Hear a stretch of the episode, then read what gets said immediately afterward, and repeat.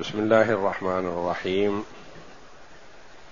الحمد لله رب العالمين. والصلاة والسلام على نبينا محمد وعلى آله وصحبه أجمعين. وبعد سم الله. بسم الله الرحمن الرحيم.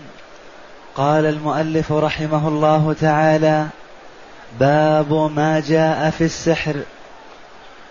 قول المؤلف رحمه الله تعالى باب ما جاء في السحر. قد يقول قائل لما أورد المؤلف رحمه الله تعالى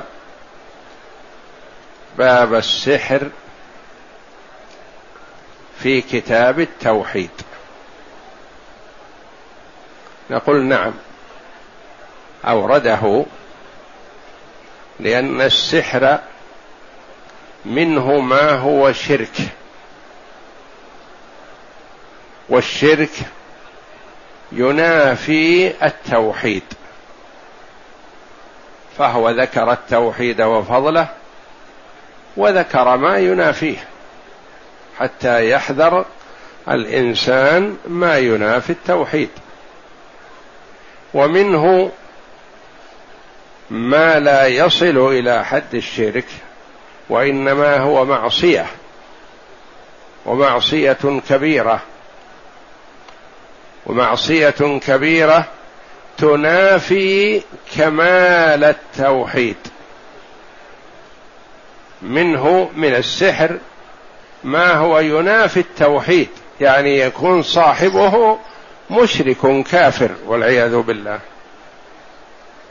ومنه ما هو ينافي كمال التوحيد. والمسلم يحرص على البعد عما ينافي التوحيد و ويحرص على البعد عما ينافي كمال التوحيد. لأن كل واحد منا يحب أن يكون إيمانه وتوحيده واعتقاده بالله جل وعلا كاملا غير منقوص. فلذا أورد المؤلف رحمه الله تعالى باب السحر في كتاب التوحيد.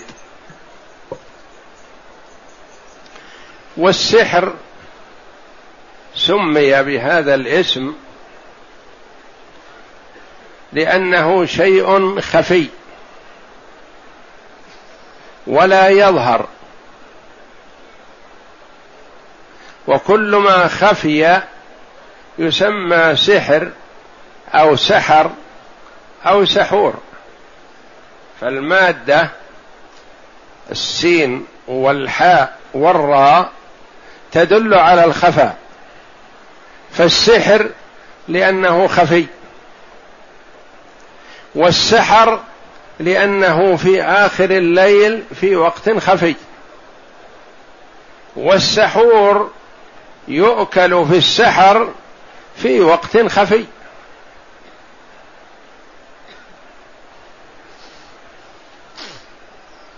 وهو أنواع. منه ما لا يتوصل إليه المرء إلا بطاعة الشياطين وخدمتهم وعبادتهم أو السجود لهم أو الشرك. وهذا كفر مخرج من الملة. ومنه ما هو معصية وكبيرة من كبائر الذنوب. ويعتبر من الإفساد في الأرض. وكلا الأمرين صاحبه يقتل. لأنه إن كان من الشرك فهو مرتد عن الإسلام. والمرتد يقتل. لأنه ما يسوغ أن يبقى بين المسلمين من ليس بمسلم إلا يهودي أو نصراني على ديانته يدفع الجزية.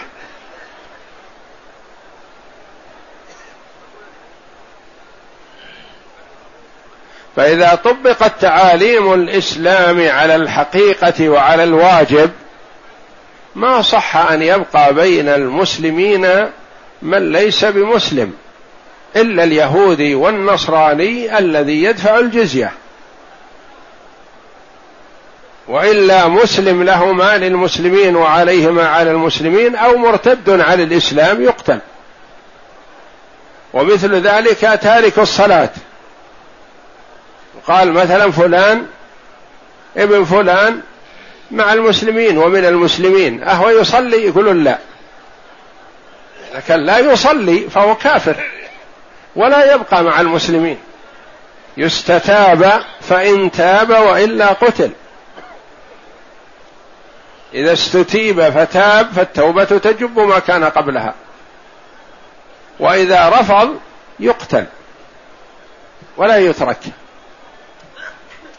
فالساحر إذا كان سحره يتعلق بالشياطين وأعمالهم وطاعتهم وعبادته إياهم أو من يوجهونه لعبادته فهو كافر مرتد عن الإسلام يقتل.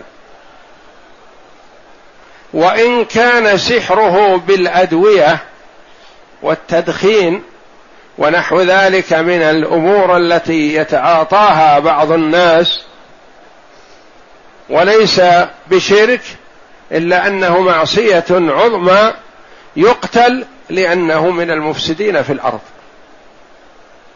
والله جل وعلا يقول إنما جزاء الذين يحاربون الله ورسوله ويسعون في الأرض فسادا أن يقتلوا. فمعاطى السحر يقتل. وقتل في زمن الصحابة رضي الله عنهم. أخذا بقوله صلى الله عليه وسلم كما سيأتينا حد الساحر ضربه بالسيف. وقتل الصحابة رضي الله عنهم من تعاطى السحر. فالسحر جريمة عظمى وذنب عظيم. منه ما هو شرك مخرج من الملة ومنه ما هو من الإفساد في الأرض وكلا الاثنين يقتلان. إن كان مما يتعاطى السحر عن طريق الشياطين فذلك ردة عن الإسلام والعياذ بالله وكفر بالله وحد الكافر يقتل.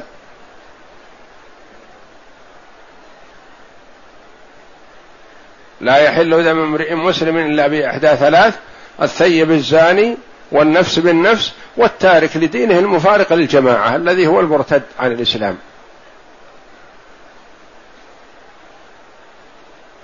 الحالة الثانية أن لا يصل إلى حد الشرك لكنه يقتل لأنه يعتبر من المفسدين في الأرض. وهذا يرجع إلى اجتهاد الحاكم. يجتهد الحاكم في تعزيره حتى يصل إلى القتل.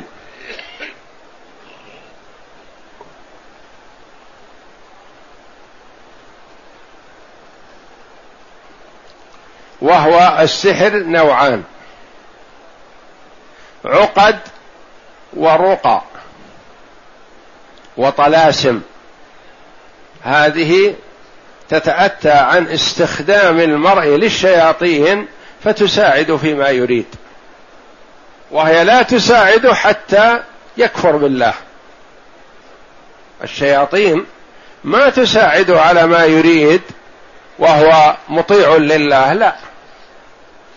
تشترط في طاعته وخدمته فيما يريد أن يكفر بالله قبل كل شيء.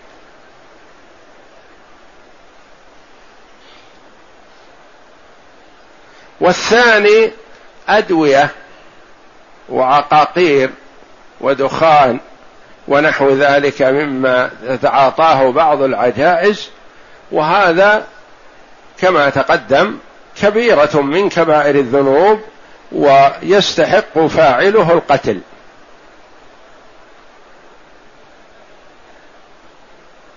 ومع الأسف الشديد انتشر السحر وكثر في الأزمنة الأخيرة مع ما فيه من الوعيد الشديد في الكتاب والسنة. وما ذاك إلا لقلة البصيرة في الدين. تجد الجاهل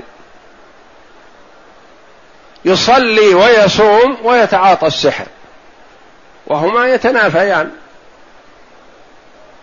مثل تنافي عبادة القبور مع عبادة الله وهذه موجودة. فمعناه لغلبة الجهل بما يجب على الإنسان أن يتبصر به في أمور دينه وإن كان المرء كثير من الناس مثلا في أمور دنياه بصير وجيد وحاذق لكن في أمور دينه ما يهتم لها. فيجمع بين طاعة الله وطاعة غيره وطاعة غير الله تبطل طاعته لله. يجمع بين الصلاة والسحر مثلا. يجمع بين الصلاة والخضوع للقبور ولأصحابها. وهذا هو الكفر.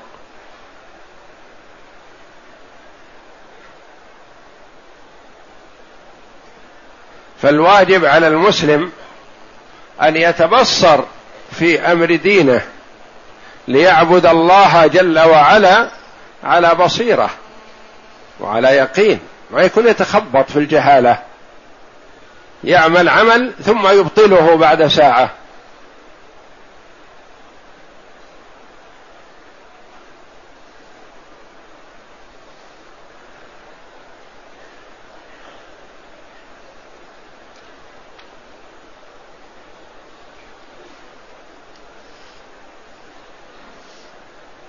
نعم.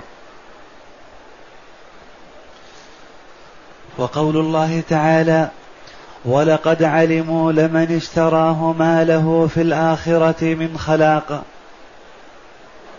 ولقد علموا أهل الكتاب لمن اشتراه أي السحر. وأول الآية قوله جل وعلا واتبعوا ما تتلو الشياطين على ملك سليمان وما كفر سليمان ولكن الشياطين كفروا. يعلمون الناس السحر وما أنزل على الملكين ببابل هاروت وماروت وما يعلمان من أحد حتى يقولا إنما نحن فتنة فلا تكفر. ويتعلمون منهما ما يفرقون به بين المرء وزوجه وما هم بضارين به من أحد إلا بإذن الله ويتعلمون ما يضرهم ولا ينفعهم ولقد علموا لمن اشتراه ما له في الآخرة من خلاق. الآية من سورة البقرة. ولقد علموا لمن اشتراه الضمير يعود إلى السحر لأنه مذكور سابق. ما له في الآخرة من خلاق؟ يعني ليس له نصيب في الآخرة. يعني مآله إلى النار في الآخرة والعياذ بالله. وهذا دليل على كفر الساحر إذا كان ما يتعاطاه عن طريق الشياطين. واتبعوا ما تتلو الشياطين على ملك سليمان وما كفر سليمان ولكن الشياطين كفروا يعلمون الناس السحر.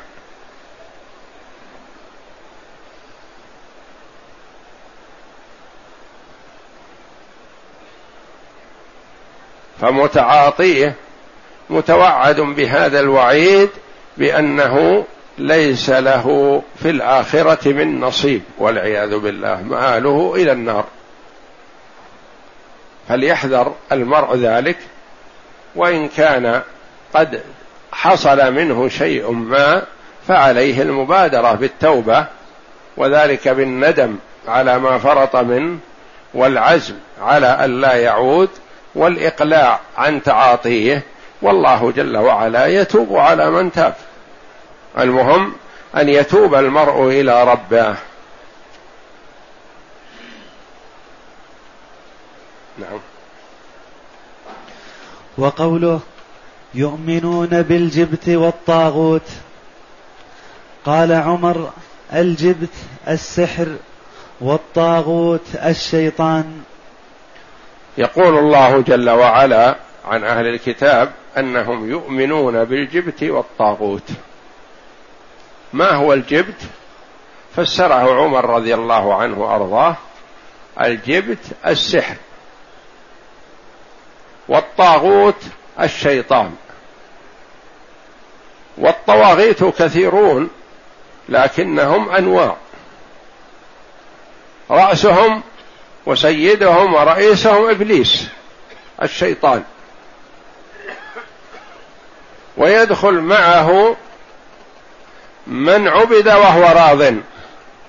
ومن دعا الناس إلى عبادة نفسه. ومن حكم بغير ما أنزل الله.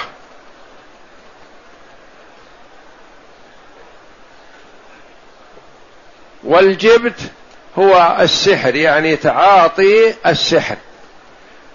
والله جل وعلا ذم اليهود بأنهم يؤمنون بالجبت والطاغوت ويقولون للذين كفروا هؤلاء أهدى من الذين آمنوا سبيلا كما تقدم أمس عن كعب بن الأشرف رأس اليهود.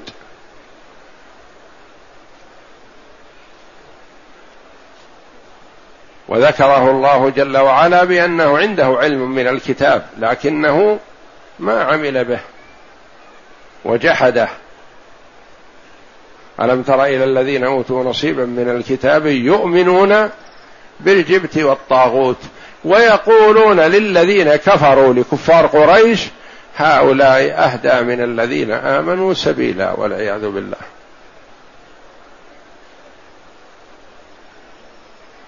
فالإيمان بالسحر وتعاطيه من صفات اليهود.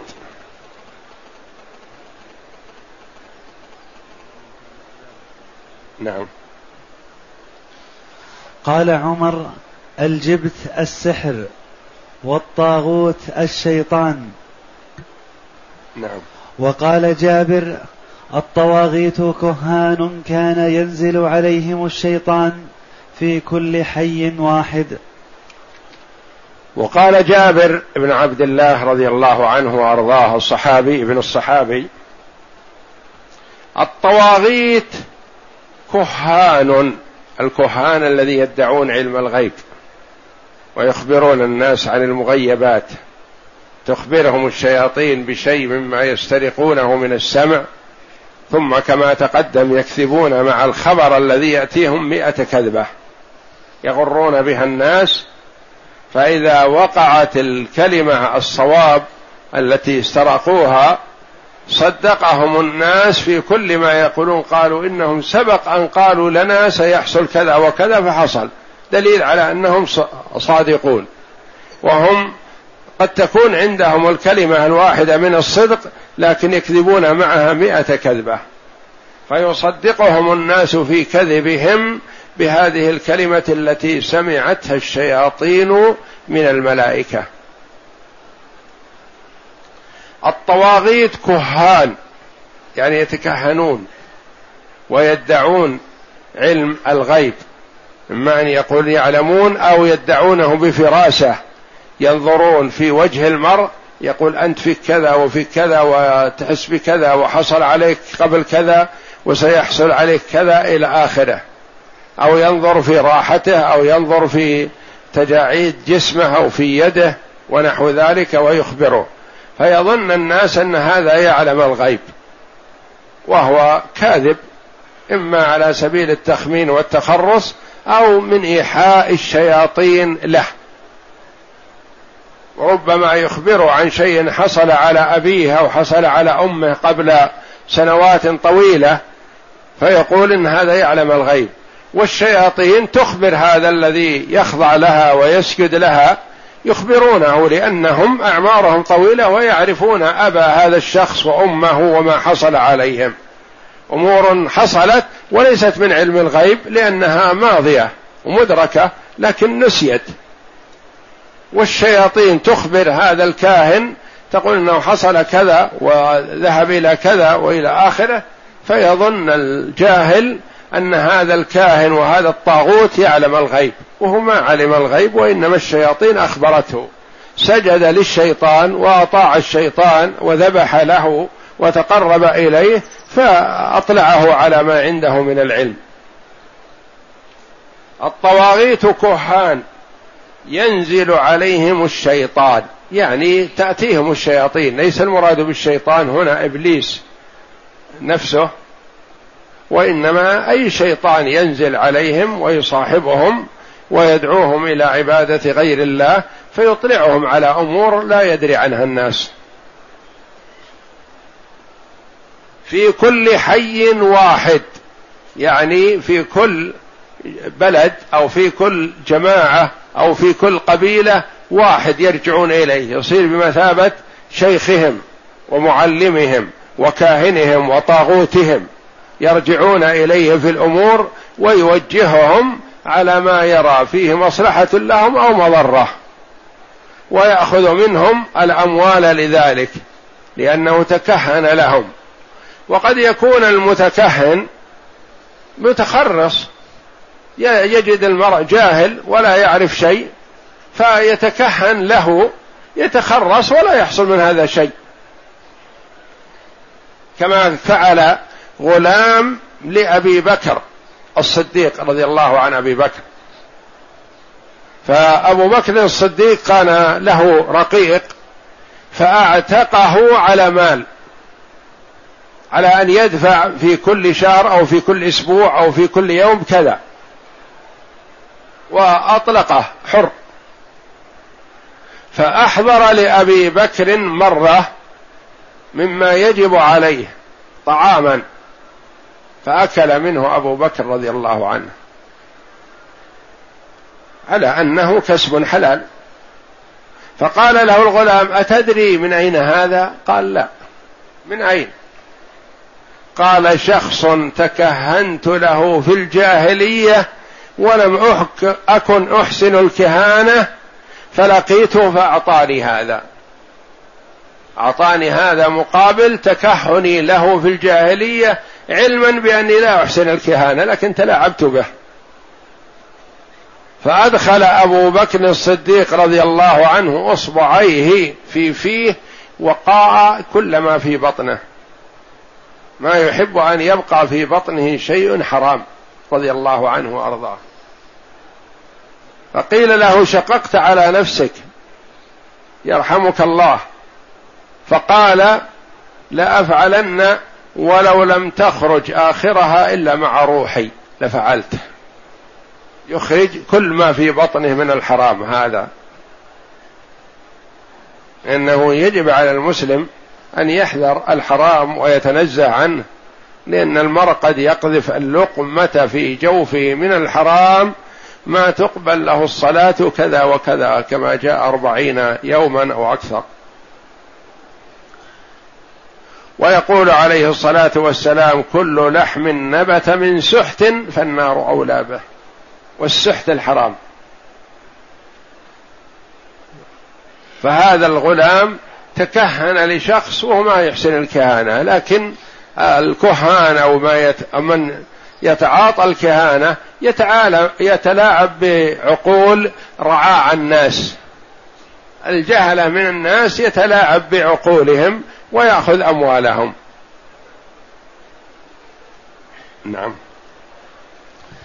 عن أبي هريرة رضي الله عنه أن رسول الله صلى الله عليه وسلم قال اجتنبوا السبع الموبقات. قالوا يا رسول الله وما هن؟ قال الشرك بالله والسحر وقتل النفس التي حرم الله إلا بالحق. وأكل الربا وأكل مال اليتيم والتولي يوم الزحف وقذف المحصنات الغافلات المؤمنات. وعن أبي هريرة رضي الله عنه أن رسول الله صلى الله عليه وسلم قال اجتنبوا السبع الموبقات. اجتنبوا ينصح الأمة صلوات الله وسلامه عليه باجتناب الكبائر المهلكة لأن المعاصي أنواع. منها ما هي صغائر. الصغائر يكفرها الله جل وعلا بالصلاة والصيام والجمعة والخطى إلى المساجد والتسبيح والتكبير والتحميد وقراءة القرآن والأمر بالمعروف والنهي عن المنكر الأعمال الطيبة يكفر الله جل وعلا بها الأعمال السيئة الصغائر. كما قال صلى الله عليه وسلم الصلوات الخمس والجمعة إلى الجمعة. ورمضان إلى رمضان مكفرات ما بينهن ما اجتنبت الكبائر. وقال عليه الصلاة والسلام الجمعة العمرة إلى العمرة مكفرة لما بينهما والحج المبرور ليس له جزاء إلا الجنة. فالأعمال الصالحة يكفر الله جل وعلا بها الأعمال السيئة. وكما جاء أن المرء إذا توجه إلى المسجد لا يخطو خطوة إلا يكتب الله له بها حسنة ويمحو عنه بها سيئة. يكفر الله جل وعلا بها السيئات. والمراد والله أعلم الصغائر. والكبائر كذلك أنواع متفاوتة. منها ما هي موبقة مهلكة ومنها ما هي دون ذلك. فلذا حذر صلى الله عليه وسلم عن السبع الموبقات. هذه أعظم أنواع الكبائر. اجتنبوا السبع الموبقات. قالوا يا رسول الله وما هن؟ ما هي السبع الموبقات حتى نجتنبها؟ ولا يدل هذا على أن الكبائر سبع فقط وإنما هي أكثر كما قال روي عن ابن عباس رضي الله عنه هي إلى السبعين أقرب وإلى السبعمائة أقرب لأنها أنواع كثيرة الكبائر لكنها متفاوتة في العظم فهذه أعظمها هذه السبع. قالوا يا رسول الله وما هن حتى نحذرهن ونجتنبهن؟ قال الشرك بالله. هذا أعظم الكبائر وأكبر الكبائر وأظلم الظلم. كما قال الله جل وعلا عن لقمان عليه السلام وهو يوصي ابنه يا بني لا تشرك بالله إن الشرك لظلم عظيم. أظلم الظلم الشرك بالله وهو أن تجعل لله ندا وهو خلقك. يعني تصرف شيء من أنواع العبادة لغير الله جل وعلا فهذا شرك وهو محبط لعمل الإنسان كله. يعني يتميز عن الكبائر هو بأنه يحبط عمل الإنسان كله. فالكبائر بعضها يأثم بها الإنسان لكن ما تحبط عمله ما تحبط صلاته ولا تحبط صيامه. يكون آثم بتعاطي هذه الكبيرة مثلا لكن صلاته بحالها وصيامه بحاله وحجه بحاله يعني يكتب له. لكن الشرك والعياذ بالله يحبط العمل كله. يفسد الصلاة يفسد الصيام يفسد الحج يفسد جميع أنواع القرب. كما قال الله جل وعلا إن الله لا يغفر أن يشرك به ويغفر ما دون ذلك لمن يشاء. ويقول الله جل وعلا قل أفغير الله تأمروني أعبد أيها الجاهلون؟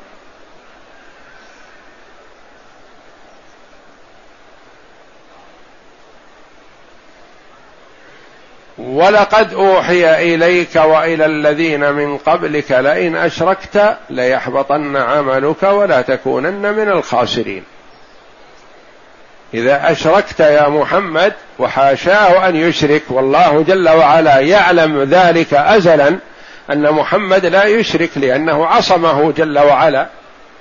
لكنه ليبين للأمة أن محمد لو أشرك حبط عمله.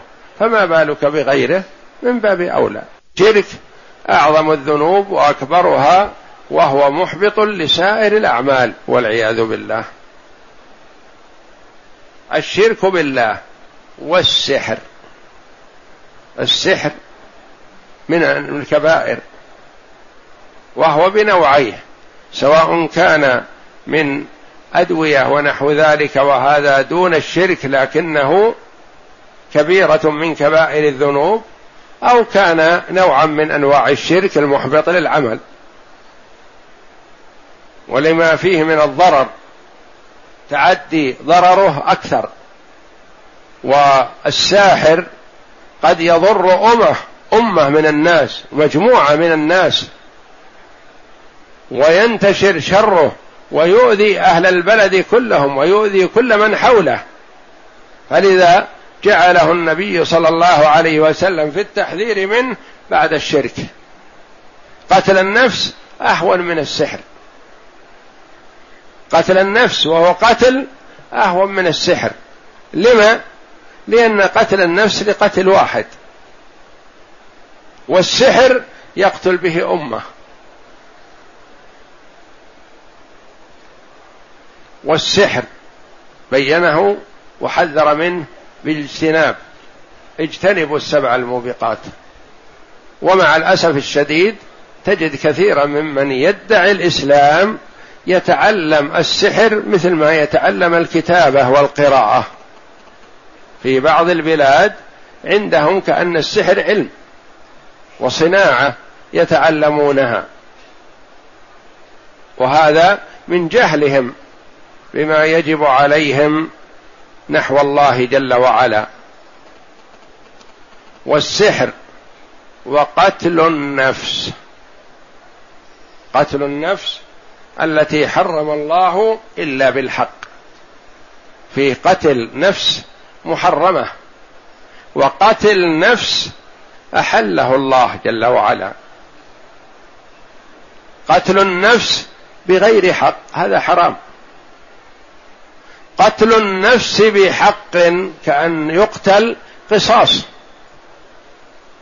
فالقاتل لهذا القاتل له أن يقتله. يسلم إياه ويوضع في رقبة القاتل حبل ويسلم للولي المقتول ويقال خذه قده. قود هذا القود. قده. إن شئت اقتله. وإن شئت استبقه. وإن شئت اطلب المال.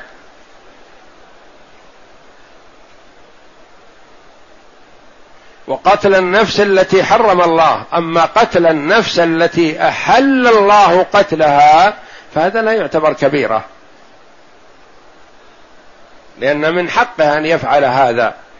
من حقه أن يقتل قاتل أبيه إذا سلم له. ولا يجوز أن يقتله من نفسه هكذا وإنما عليه أن يرفع الأمر إلى الحاكم. فإذا ثبت لدى الحاكم أن هذا القاتل يستحق القتل سلمه لولي المقتول وقال خذه قودا فاقتله. فقاتل القاتل لا يعتبر قاتل بغير حق وإنما قاتل بحق. وقتل النفس التي حرم الله إلا بالحق.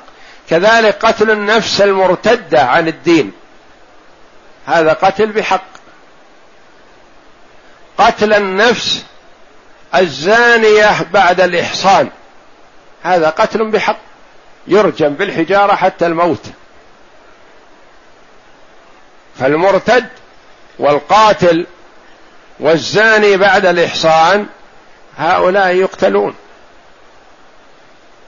كذلك من رأى الحاكم الشرعي الاجتهاد في قتله لفك المسلمين ولسلامة المسلمين من شره كأن يكون صاحب بدعة يدعو إلى بدعته ويضر الناس في دينهم فيقتل. يكون من المفسدين في الأرض.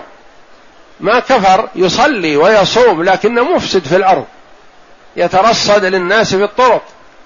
يفسد في الأرض يوقع بين الناس. يأتي للمتصاحبين مثلا ويبذر بينهم مبادئ السوء والشقاق ليفسد بينهم. هذا يعتبر من المفسدين في الأرض إذا اجتهد الحاكم في قتله فله ذلك ويكون قتله بحق وليس بغير حق. وقتل النفس التي حرم الله إلا بالحق. هذا قتلها بغير حق كبيرة من كبائر الذنوب. قتلها بحق هذا عدل. حد يقام في الأرض خير من أن يمطروا أربعين. يعني في حياة للقلوب وفي حياة للبلاد وفيه إقامة لشعائر الله ولحدود الله تستفيد منه البلاد فائدة عظيمة إذا أقيم الحد. خلافا لما يقوله دعاة الضلال يقول إن القتل ما يقدم عليه ولا يقتل المرء. ما من حقنا أن نقتله. لا نقتله إذا انتهك حرمة من حرمات الله. إذا استحق القتل يقتل. ومن مصالح العباد والبلاد أن يقتل من يستحق القتل. كما قال الله جل وعلا ولكم في القصاص حياة يا أولي الألباب. القصاص ما هو؟ القتل. سماه الله جل وعلا حياة. كيف صار حياة؟ نعم. إذا علم القاتل أنه سيقتل توقف عن القتل. فحي وحي من يريد قتله. وهكذا المجتمع يسلم من القتل. أما إذا كان لا قصاص وإنما هو حبس ثم يأتي عفو وخروج ونحو ذلك هذا يقدم الإنسان على القتل ويقول فترة وجيزة وطلع يتشفى ويعطي نفسه ما تهواه من الإفساد في الأرض ويأمل الخروج من السجن لو سجن. لكن إذا عرف أنه إذا قتل يقتل توقف. فلذا سمى الله جل وعلا إقامة الحد والقصاص حياة. ولكم في القصاص حياة. فقتل من يستحق القتل هذا من محاسن الشريعة الإسلامية. ليس فيه غلظة ولا قسوة ولا شدة لا. تقتل نفس تسلم أنفس كثيرة. تقطع يد تسلم أموال عظيمة. يستتب الأمن عند الناس. لكن إذا صار ما في قطع يد كل واحد يسرق. يقول ثم ماذا؟ إذا سرقت إن عثر علي حبست وبعد فترة أطلق. لكن إذا عرف أنه سرق تقطع يده توقف.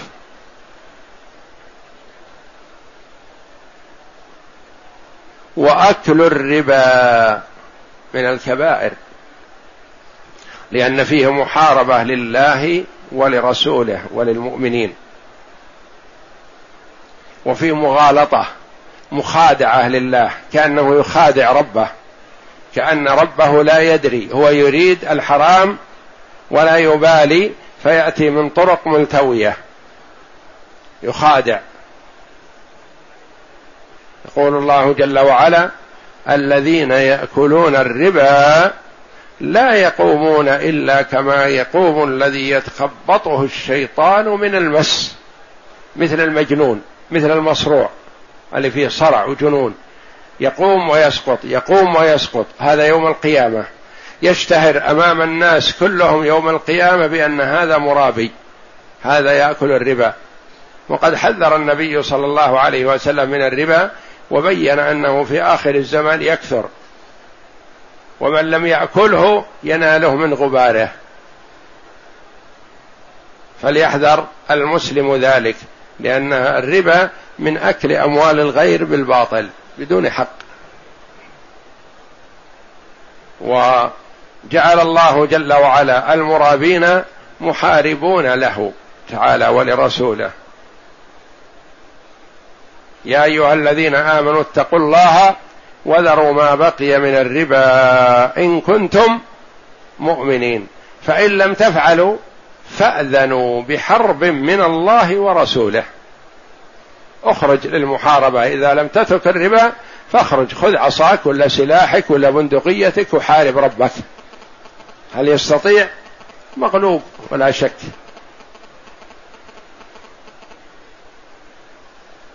وإن تبتم فلكم رؤوس أموالكم لا تظلمون ولا تظلمون. فحذر جل وعلا من الربا في آيات من كتابه العزيز. وتوعد المرابين بما لم يتوعد به غيرهم. وأكل مال اليتيم. أكل الربا وأكل مال اليتيم. مال أي مسلم حرام على الإنسان. إن دماءكم وأموالكم وأعراضكم عليكم حرام كحرمة يومكم هذا في شهركم هذا في بلدكم هذا. لكن مال اليتيم أشد حرمة والعياذ بالله. لما؟ لأن اليتيم مسكين ضعيف. وقد حرج النبي صلى الله عليه وسلم من يتعرض لحق الضعيفين اليتيم والمرأة.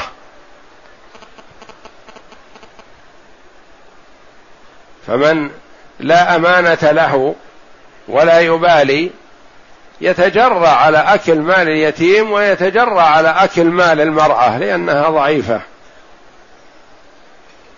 وهذا المتجري على خطر حتى وإن كان أخوها والعياذ بالله كثيرا ما يكون أخوها أو زوجها أو عمها أو ابن عمها قريبها يعني شريكة في الميراث يتلاعب بها ويضيع حقها.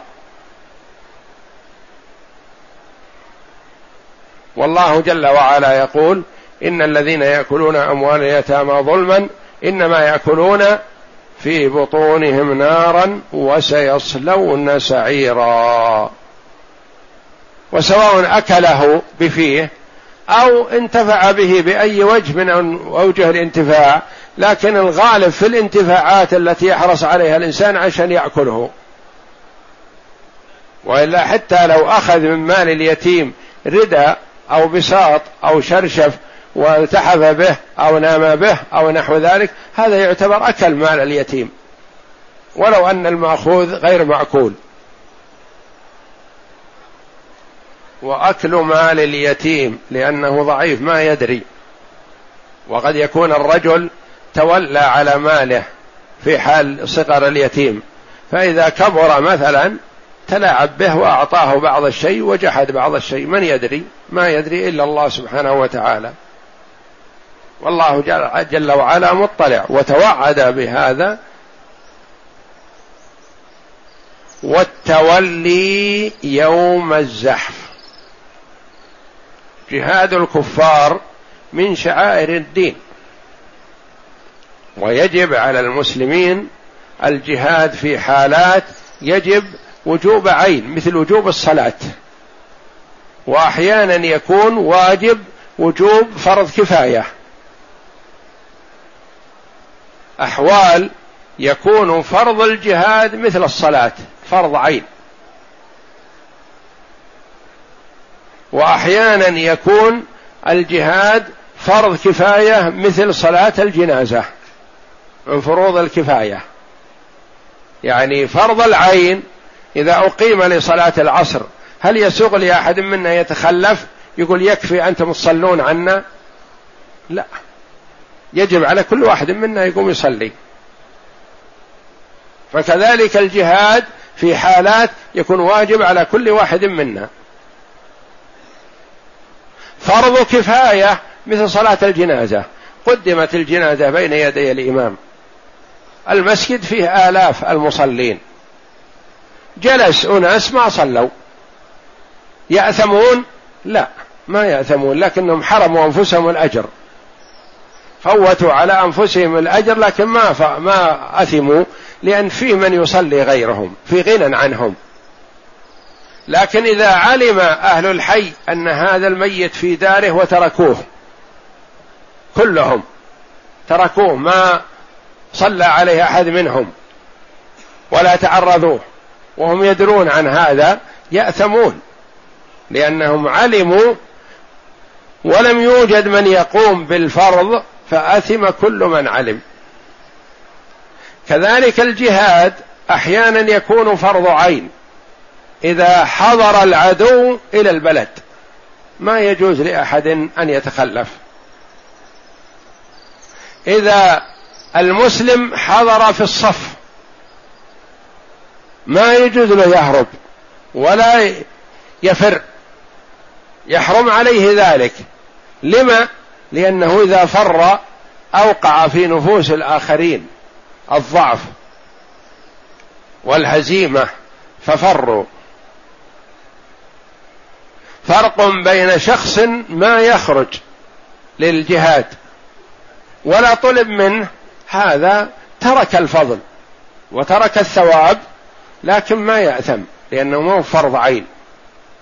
لكن إذا حضر العدو في البلد أو كان المرء في الصف موجود مع المسلمين في الجهاد خروجه فرض كفاية لكن خرج بالفعل وكان موجود في الصف يحرم عليه أن يفر.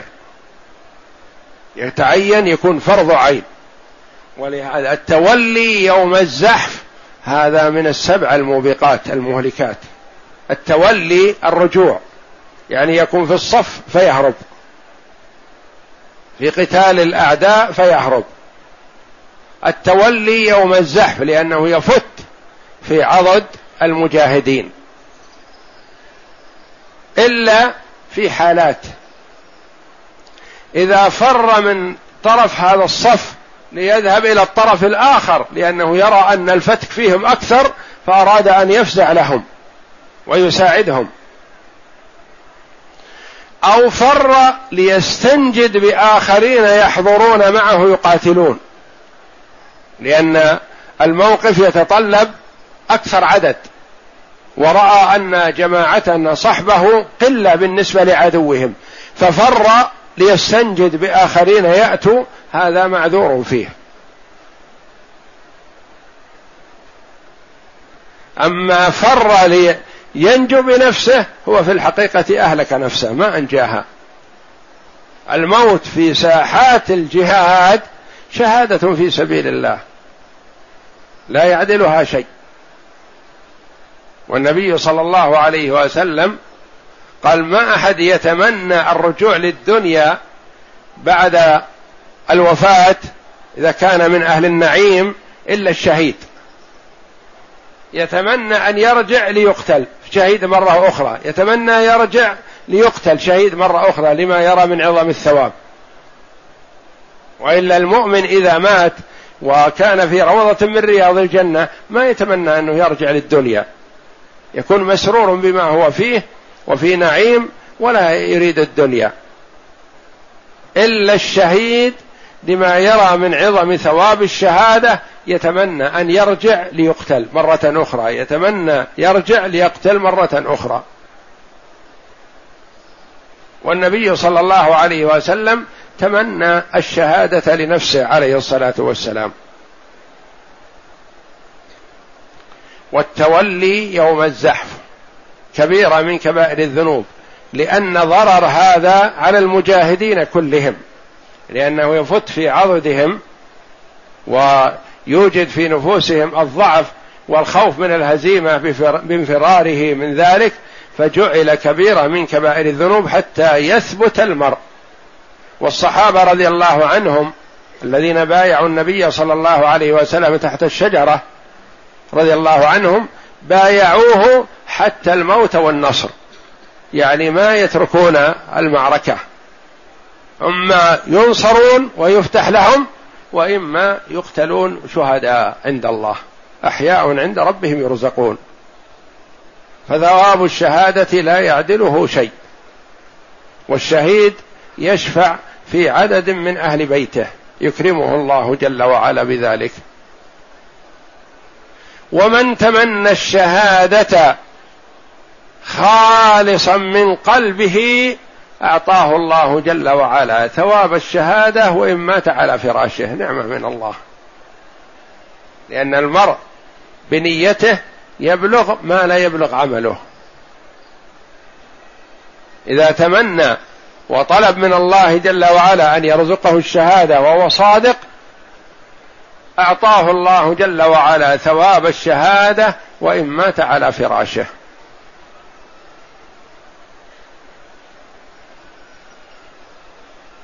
والتولي يوم الزحف. المراد بالزحف زحف العدو يعني يوم القتال حالة القتال قتال الكفار. والسابعة قذف المحصنات الغافلات المؤمنات. قذفها رميها بالزنا أو الفعلة الشنيعة سواء زنا في القبل أو زنا في الدبر. قذفها يعني رميها بالزنا.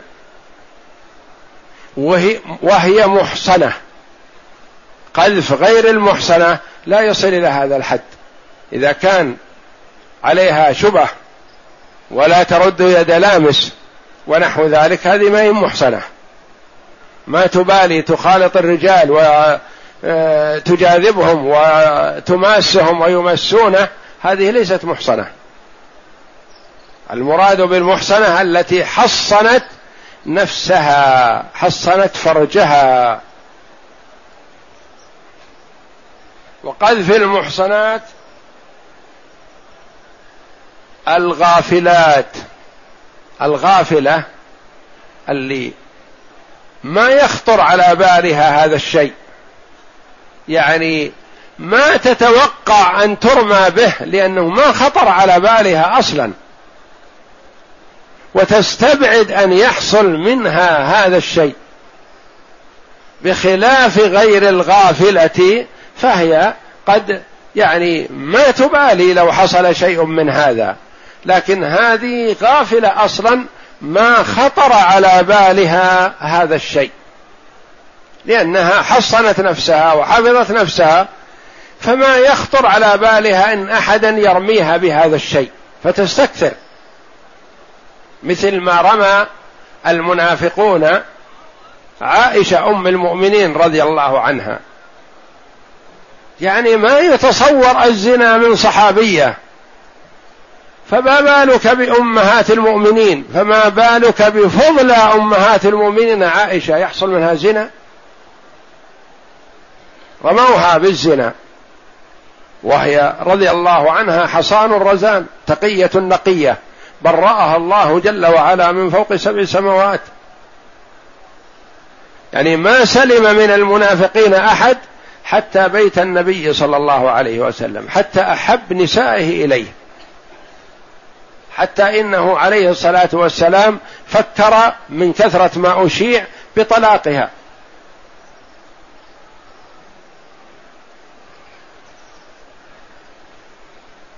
وهي أحب نسائه إليه عليه الصلاة والسلام. فما سلم من المنافقين أحد. فقذف هذه من هذه صفتها كبيرة من كبائر الذنوب. يعني قذف غير المحصنة قذف غير العفيفة هذا محرم لكن ما يصل إلى هذا الحد. لكن امرأة حصان حاصنة حافظة لنفسها غافلة ما يخطر على بالها أن تقع في الريبة. وترمى بالزنا والعياذ بالله هذا كبيرة من كبائر الذنوب. ثم إن القذف محرم حتى قذف الرجل إذا قذف الرجل بالزنا محرم ويقام الحد على القاذف إذا لم يثبت لكن قذف المرأة أشد. لما؟ ما قال وقذف المحصنين. قال المحصنات لأن قذف المحصنة يضرها ويضر ذويها من الوالدين والإخوة والأخوات والأسرة كلهم. ويضر الزوج إن كان لها زوج ويضر الأولاد إن كان لها أولاد. وقد يضر أهل البلد كلهم يقال فيهم امرأة فعلت كذا وكذا. أهل بلدة كذا وسط. حالهم كذا فيهم يشيع عن امرأة كذا. فيدنس أهل البلد كلهم. بخلاف الرجل فالرجل إذا زنى لا يضر إلا نفسه. زناه محرم لكن ما يضر أخاه ولا يضر أباه ولا يضر ابنه ضرره على نفسه هو. فلذا أكد الرسول صلى الله عليه وسلم أن قذف المحصنة يعتبر من كبائر الذنوب العظيمة. والنبي صلى الله عليه وسلم يحذرنا من هذه السبع لأنها مهلكة وهي الإشراك بالله والسحر وقتل النفس التي حرم الله إلا بالحق وأكل الربا وأكل مال اليتيم والتولي يوم الزحف وقذف المحصنات الغافلات المؤمنات. حتى قذف المحصنات من غير المؤمنات ما يجوز ومحرم. لكنه ما يصل إلى حد قذف المؤمنة. وإلا حتى المحصنة من أهل الكتاب ما يجوز للمسلم أن يرميها بالزنا وهي عفيفة لأن فيهم من هن عفائف محصنات.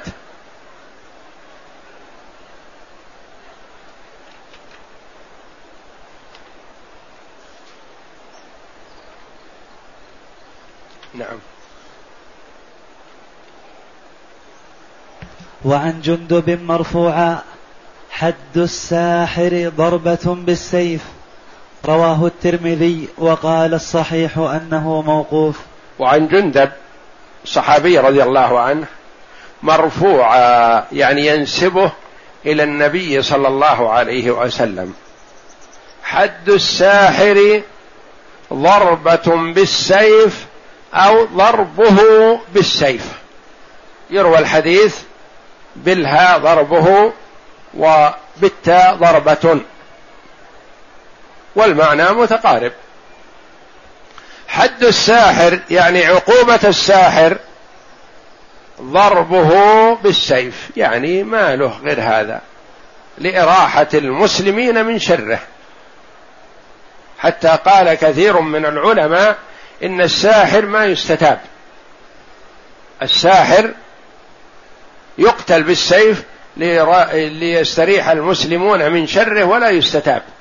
فإن كان قد تاب في حقيقة الأمر فأمره إلى الله. قالوا لأن تعلم السحر ضرر عظيم على المجتمع. وإذا تعلم السحر وتاب بقي الضرر موجود. تعلمه للسحر ضرر. ضرر عليه وعلى الآخرين. فلذا قالوا حتى لو تاب يقتل.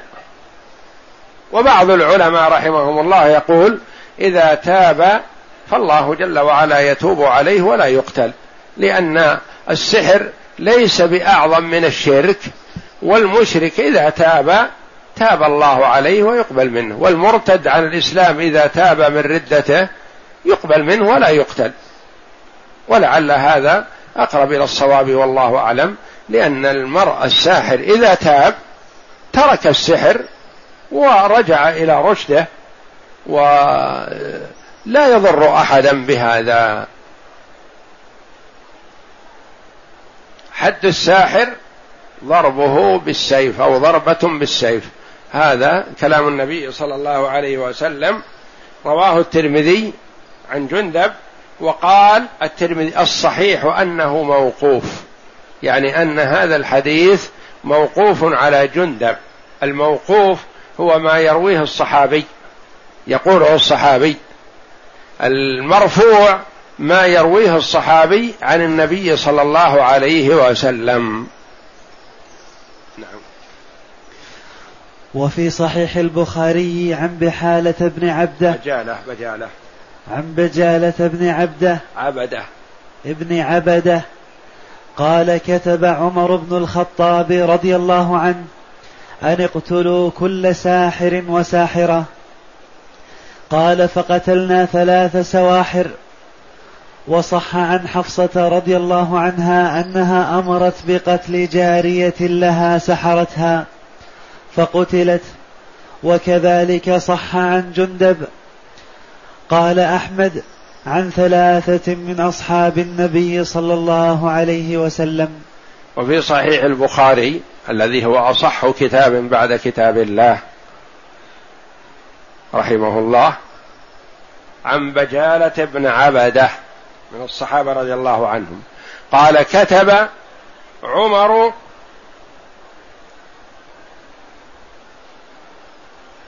كتب عمر بن الخطاب رضي الله عنه أن اقتلوا كل ساحر وساحرة. عمر رضي الله عنه أيام إمارته للمؤمنين كتب للولاة